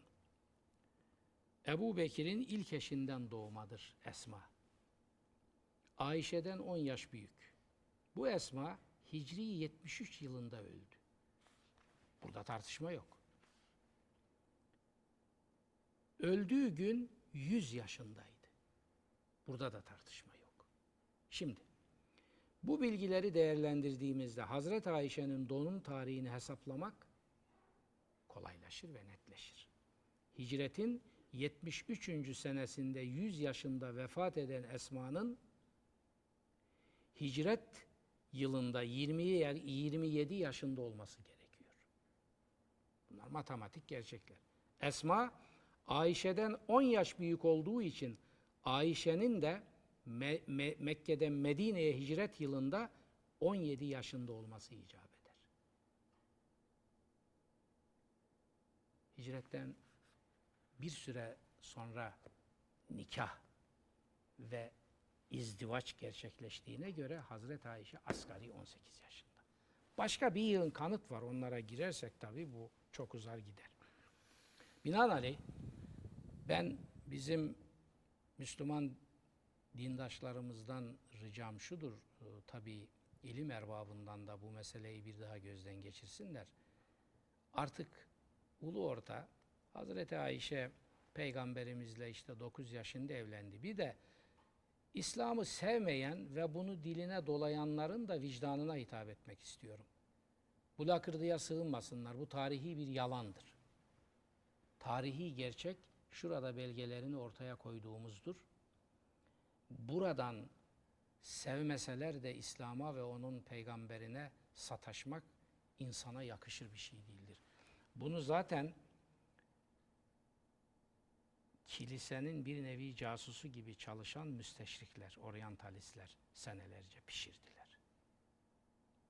Yani haşa Kur'an'ın mahvedi olan bir peygamberi cinsel iptilaları olan haşa sıbyancılık zaafları olan haşa bir insan gibi tabi bunların hesabını Allah'a verirler.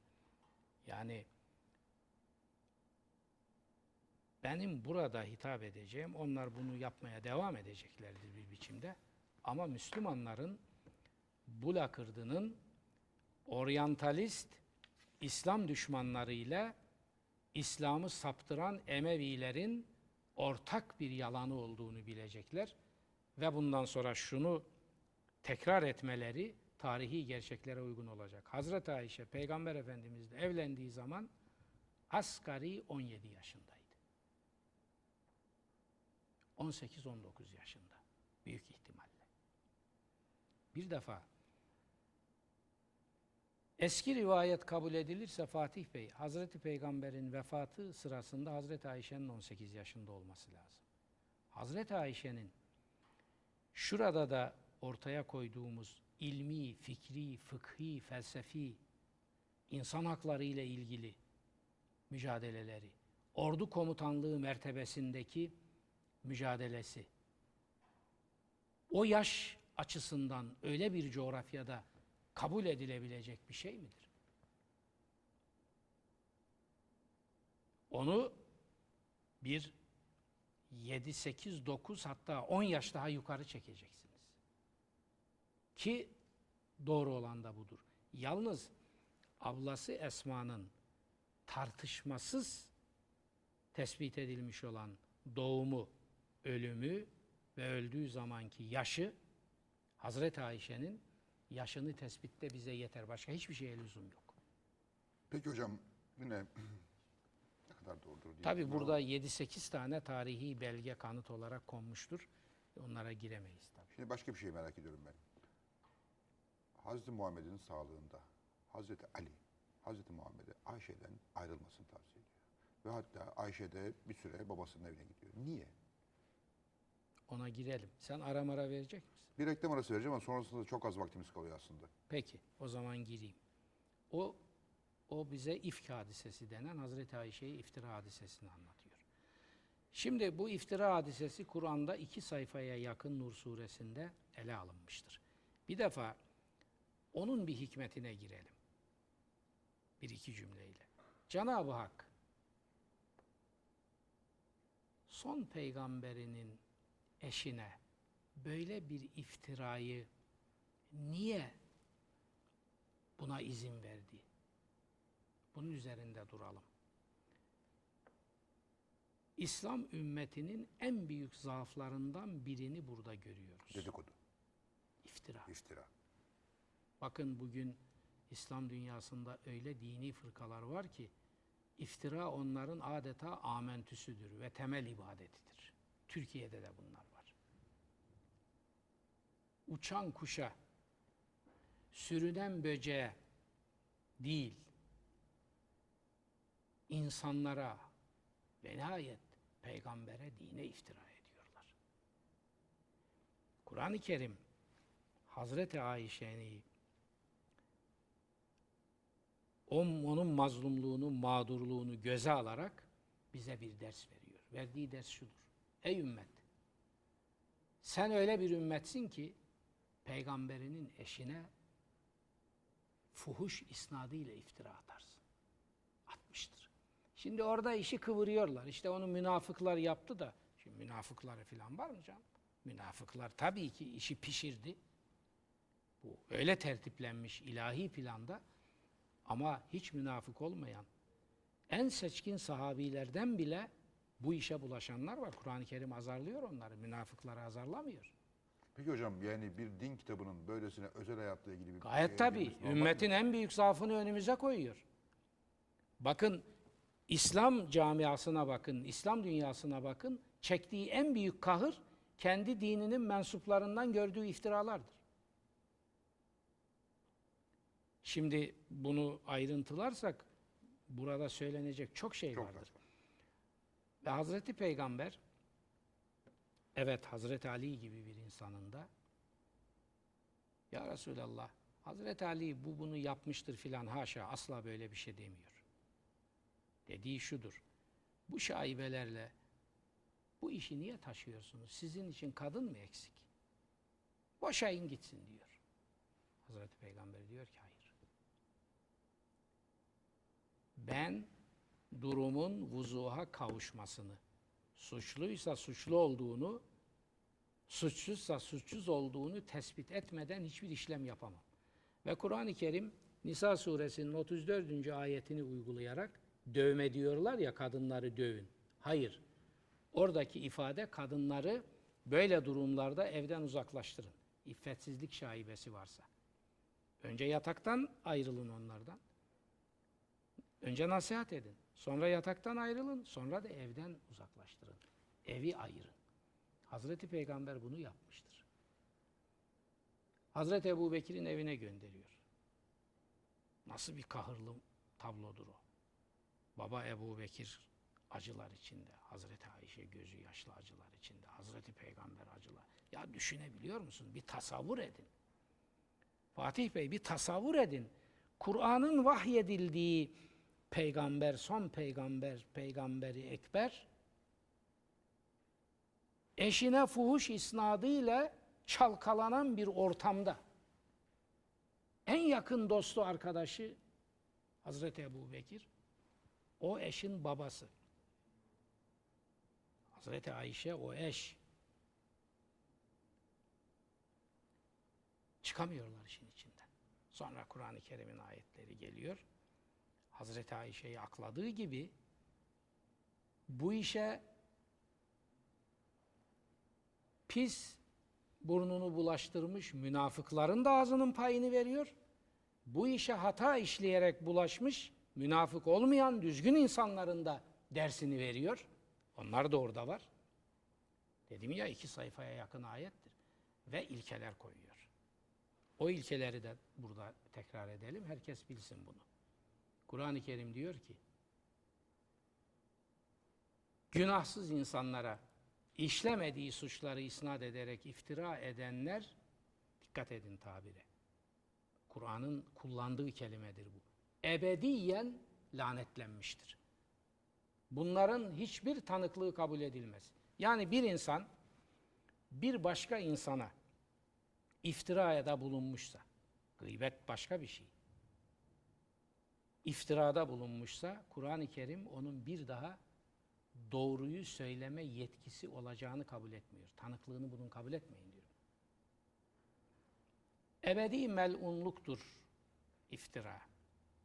Hazreti Ayşe hadisesi, ifk hadisesi bize bunu gösteriyor. Bir, ümmeti Muhammed'in temel zaaflarının başında iftiracılık geliyor. Acımadan iftira ederler. Peygamberlerin eşine bile yapmışlar. İki, iftira kötülüğünü işleyenler ebedi melundurlar. Ben filan tarikata mensubum, filan cemaate mensubum, filan şu kadar namaz kılıyorum. Geç bunları. Bunların hiçbirisi şeytanı bile kandırmaz. İftira suçuna bulaştın mı, bunu nasıl bulaşırsan bulaş, bunun şekli şemaili değişir. Yani adamın sesini bugün teknolojik imkanlarla taklit ederek telefonda şöyle konuştu deyip adamı basında çarşaf çarşaf teşhir ediyorlar. Melundurlar. Çünkü iftiradır bu. Tekniği ne olursa olsun. Üç, iftira suçunu işlemiş bir adamın artık doğruyu söyleme adına tanıklığı kabul edilemez. Bu yetkiyi, bu hakkı kaybediyor adam. Hazreti Ayşe bu bakımdan Müslüman tarihin en mazlum, en mağdur insanlarından biridir. Bunu da burada kaydedelim. Hazreti Ali'nin bu konuda peygamberimize söylediği de Ayşe'yi itham edici bir şey değildir. Bu sizi rahatsız ediyor. Sizin bu rahatsızlığı çekmek gibi bir mecburiyetiniz yok. Neyse ne sonucu belli olur. Ama siz boşayın diyor. Yani bu şaibeden kurtulun, rahat edin. Söylediği budur. Yani Hazreti Ayşe'yi itham etmemiştir. Hocam vaktimiz oluyor. Bir kısa ara vereceğim. Sonra tek bir sualim daha Tamam. e, olacak. Dereciler kısa bir reklam arası. Sonrasında e, Sayın Yaşar Nuri Öztürk'e son bir sorum daha olacak.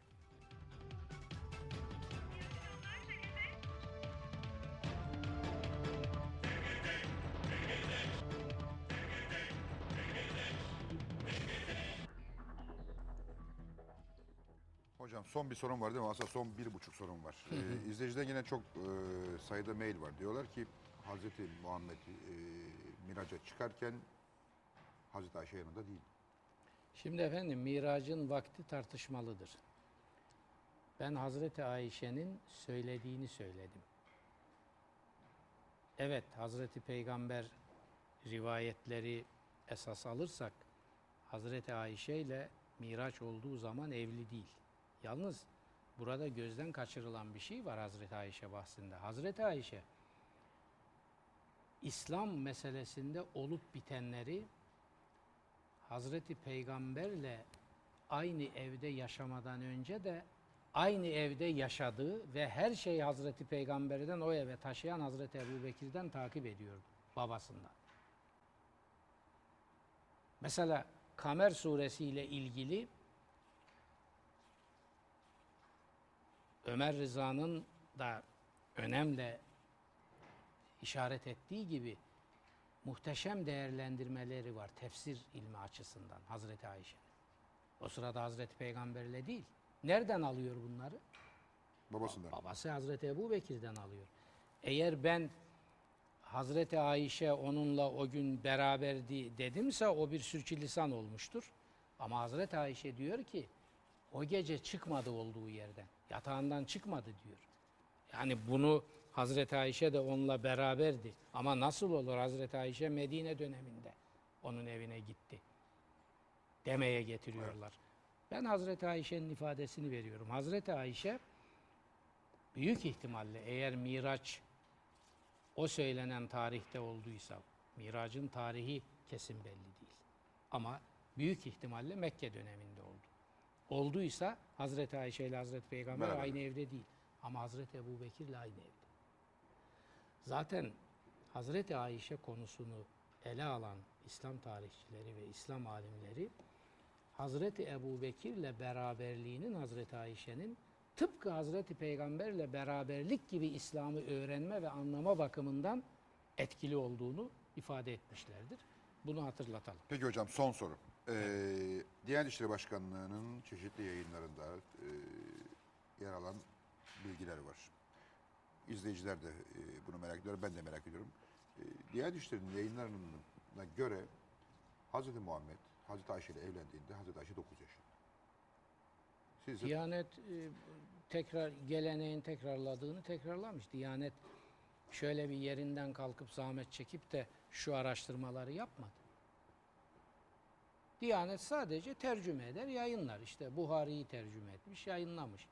Yayınlar da o yayınladığı 12 ciltlik Buhari'de söylenenlere de uymaz. Ve biz mesela kalkıp namazların üç vakitte cem edilmesini mazeret halinde söylediğimiz zaman bu da nereden çıktı der. E, o yayınladığım Buhari'nin içinde var. Hazreti Peygamber uygulamış. İbn Abbas da diyor ki ümmeti için kolaylık olsun diye hiçbir sıkıntı olmadan da uyguladı diyor bunu. Bila metar ve la sefer. üç rekat. Üç, Üç vakit. vakit pardon.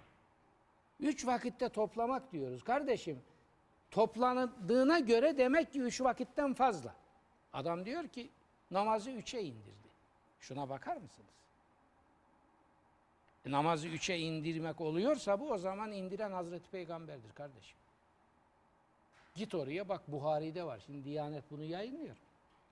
Diyanet Hanefi mezhebinin diyaneti olduğunu söylüyor. Ama İmam-ı Azam'ın Kur'an'ın tercümesiyle namaz kılınır fetvasını asırlardır tereddütsüz bütün Hanefi müdevvenatında yer alan e, fetvasını uygulamaya koymuyor. Niçin? Daha örnekleri çok. Hocam onları da başka bir gün tartışalım çünkü yine e, Evet şimdi bizim burada doldurduk. bu Asr-ı Saadet'in Büyük Kadınları kitabında en çok ve vurgu yaptığımız ve en hayati mesajları bünyesinde taşıdığını ifade edeceğimiz bölüm Hazreti Ayşe bölümüdür. İmam-ı Azam'la ilgili yaptığımız çalışmanın e, yerine oturması, layıkıyla kavranması için de Hazreti Ayşe bahsinin çok iyi anlaşılması lazım. Hocam sağ olun. Bir, bir, bir, bir pazar akşamı da oturur bunları e, yine konuşuruz. İleride E, inşallah. Murat Bardakçı'nın da olduğu bir e, ortamda e, o benden bayağı daha iyi bilir bu işleri. Sizi de daha iyi kızdırır. ben daha az kızdırabiliyorum. Değerciler bu akşam da Teke Tekin sonuna geldik. E, hepinize mutlu, keyifli, güzel bir e, hafta diliyorum. Pazar akşamı tekrar görüşeceğiz. Hoşçakalın.